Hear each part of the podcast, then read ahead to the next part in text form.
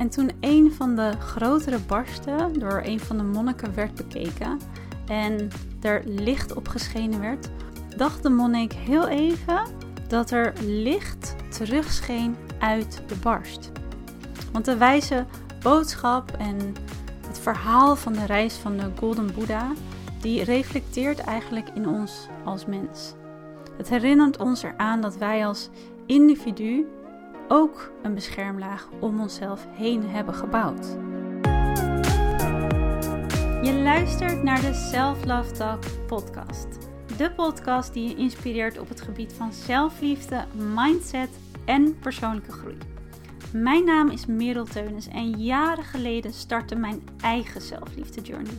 Ik ontdekte hoe onwijs veel moois er kan ontstaan wanneer zelfliefde onderdeel uitmaakt van je manier van denken en je manier van leven.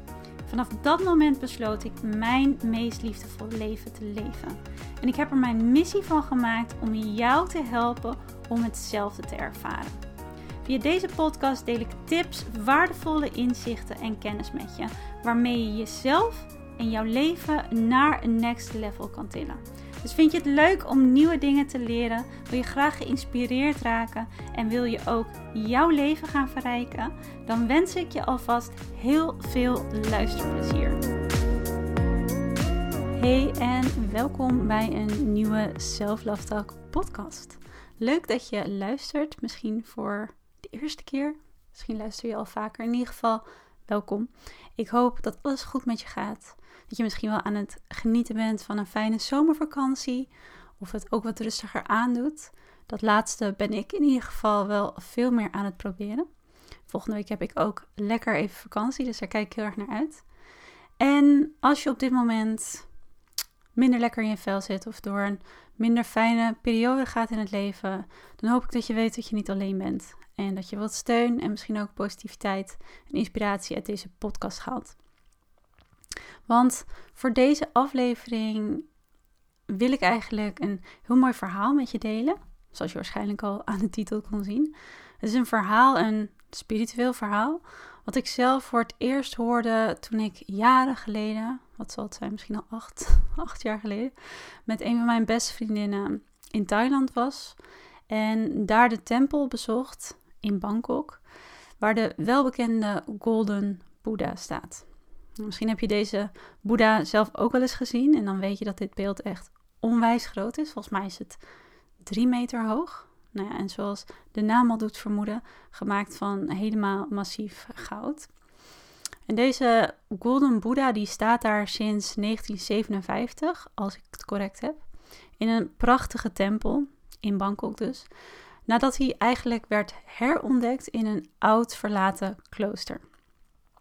En dat is de plek waar het prachtige verhaal van deze gouden Boeddha weer verder gaat en die ik graag met je wil delen. Omdat dit verhaal van de Boeddha ons eigenlijk ook heel veel over onszelf kan vertellen. Wanneer we hier de mooie lessen uit kunnen halen. Want toen deze gouden Boeddha in 1957 dus weer werd herontdekt, was de Boeddha geheel bedekt met een andere laag van klei. Dus vanaf de buitenkant kon men helemaal niet zien wat er zich eigenlijk aan de binnenkant afspeelde. En van welke waarde dit reusachtige beeld dus eigenlijk was. En die Golden Buddha die maakte al veel langer dan op het moment dat het werd herontdekt onderdeel uit van dit klooster, het verlaten klooster en het dorp eromheen. Want voor de honderden Jaren eerder werd deze Boeddha vereerd door de inwoners van het dorp en de monniken uit dat klooster. En ze weten eigenlijk niet hoe oud de Boeddha is, maar dat hij oud is, dat weten ze zeker. En toen in de jaren 1757, volgens mij rondom dat jaartal, was het heel onrustig in het land vanwege de conflicten en oorlog tussen Thailand en Myanmar. En het verhaal is, in ieder geval, dat is wat de onderzoekers hebben ontdekt. Dat er toen er in die tijd eigenlijk dreiging vormde van buitenaf. En de monniken die in het klooster um, leefden, voelden van we zouden nog wel eens verjaagd kunnen worden of binnengevallen worden. Besloten ze om de Boeddha helemaal te bedekken in klei. waarbij er allemaal kleine stukjes glas en steen op werden geplaatst, met als doel om eigenlijk de Golden Buddha te beschermen tegen de invallers, zodat zij niet zouden zien wat voor waarde de Boeddha heeft en zij het beeld dus met rust zouden laten. Nou, en zoals gevreesd werd, werd ook het klooster en de omgeving overvallen. En vele van de inwoners, maar ook de monniken moesten vluchten. Of kwamen op tragische wijze om het leven. En zeker weten doen de onderzoekers het niet, maar ze denken wel dat dit klooster eigenlijk ook voor langere tijd bewoond is gebleven door deze invallers. Zonder dat zij dus wisten dat deze reusachtige Boeddha van klei bestond uit puur massief goud. Er is ook niks gebeurd verder met de Boeddha. Totdat dus in het jaar 1957 het klooster al ruime tijd verlaten was en de Boeddha werd herontdekt. En op dat moment werd eigenlijk de opdracht ook gegeven om de Boeddha te verplaatsen. Nou, gezien de omvang en het gewicht van dit beeld kan je je voorstellen, kan ik me voorstellen ook, dat dit een behoorlijk karwei is geweest. En er zijn verschillende verhalen over wat er op dat moment gebeurde of wat er misging. Zo zijn er verhalen dat ze geprobeerd hebben om het beeld met een hijskraan op te tillen, waarbij een van de touwen losbrak en het beeld op de grond viel. En er zijn verhalen dat bij de inspectie van het beeld opeens scheuren en barsten in het beeld werden ontdekt, waardoor het verplaatsen even uitgesteld moest worden. welk deel van dit stukje van het verhaal ook waar is, de boodschap die blijft hetzelfde. En in de loop van de tijd, of door de pogingen om het beeld te verplaatsen, waren er barsten en scheuren ontstaan in de klei.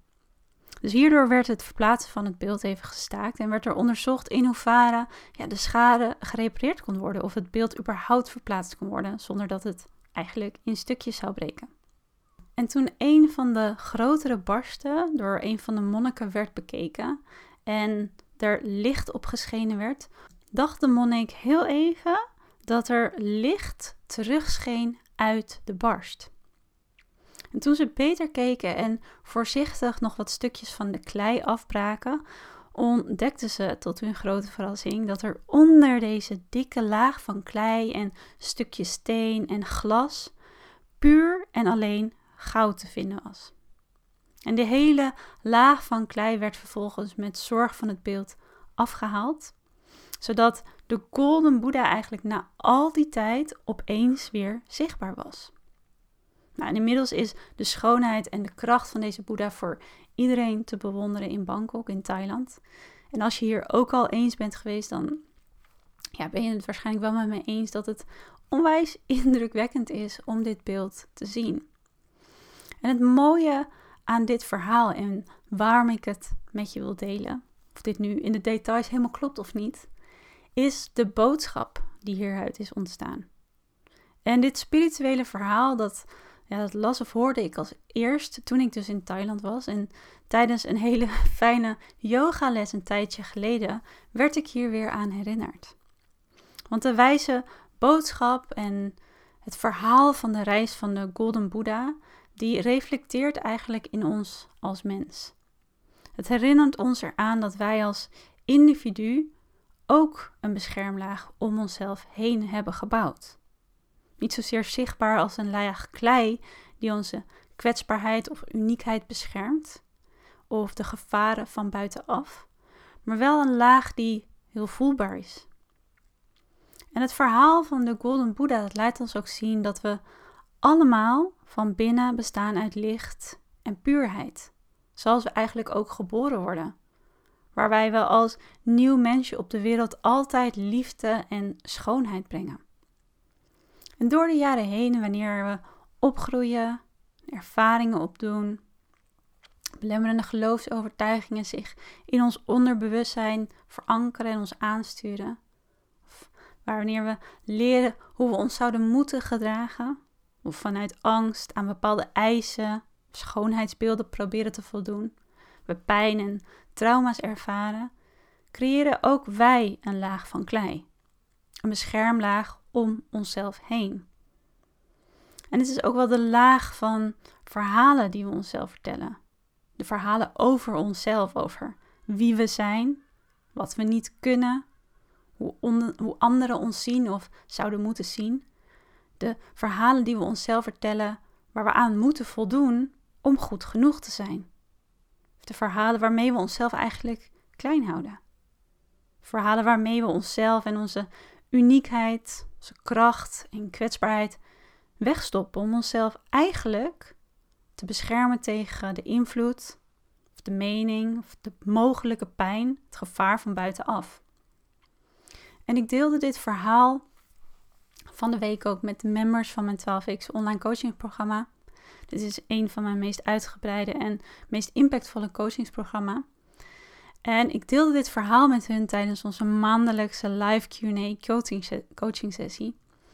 Omdat wanneer we het pad van zelfontwikkeling, van heling, van groei bewandelen, we vaak eigenlijk hetzelfde aan het doen zijn.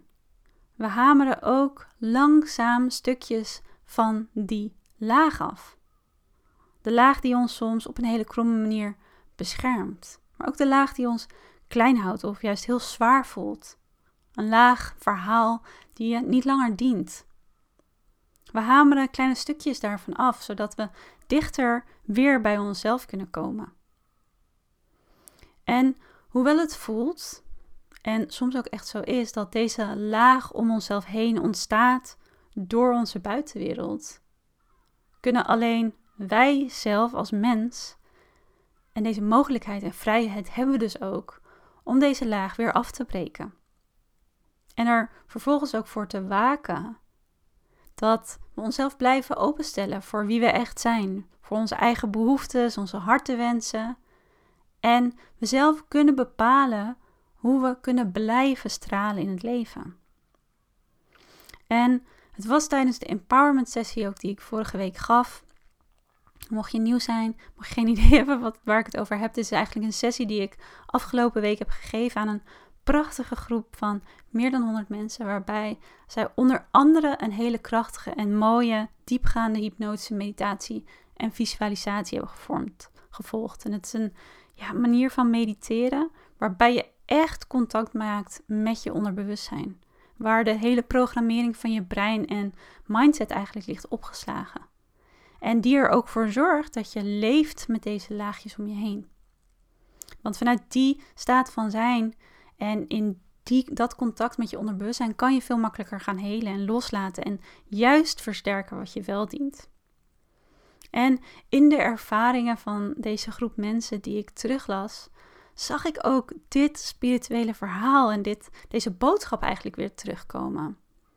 Echt door deze lagen kunnen heenbreken en dan voelen hoeveel kracht en licht en liefde en vreugde er is wanneer je ja, deze pure verbinding met jezelf voelt. En je dus ook kan loslaten dat die lagen die je ervaart, dat je die lagen niet bent. Ook al heb je het ervaren, ook al heb je het meegemaakt. Het is niet wie je in essentie bent. En je kan dat beetje bij beetje loslaten. Je kan ervoor kiezen om jouw levensverhaal weer te verrijken en weer terug te komen bij wie je echt bent. En er waren ook mensen die na deze empowerment sessie een ervaring schreven. Dit voelde zo bevrijdend. En ik denk dat dat ook symbolisch terug te horen is in het verhaal van de Golden Buddha. Toen eindelijk deze laag kleine, meer dan 200 jaar werd verwijderd. En het mooie is ook dat er een diepe boodschap gevonden werd eigenlijk in de scheuren en de barsten die werden ontdekt in die laag klei.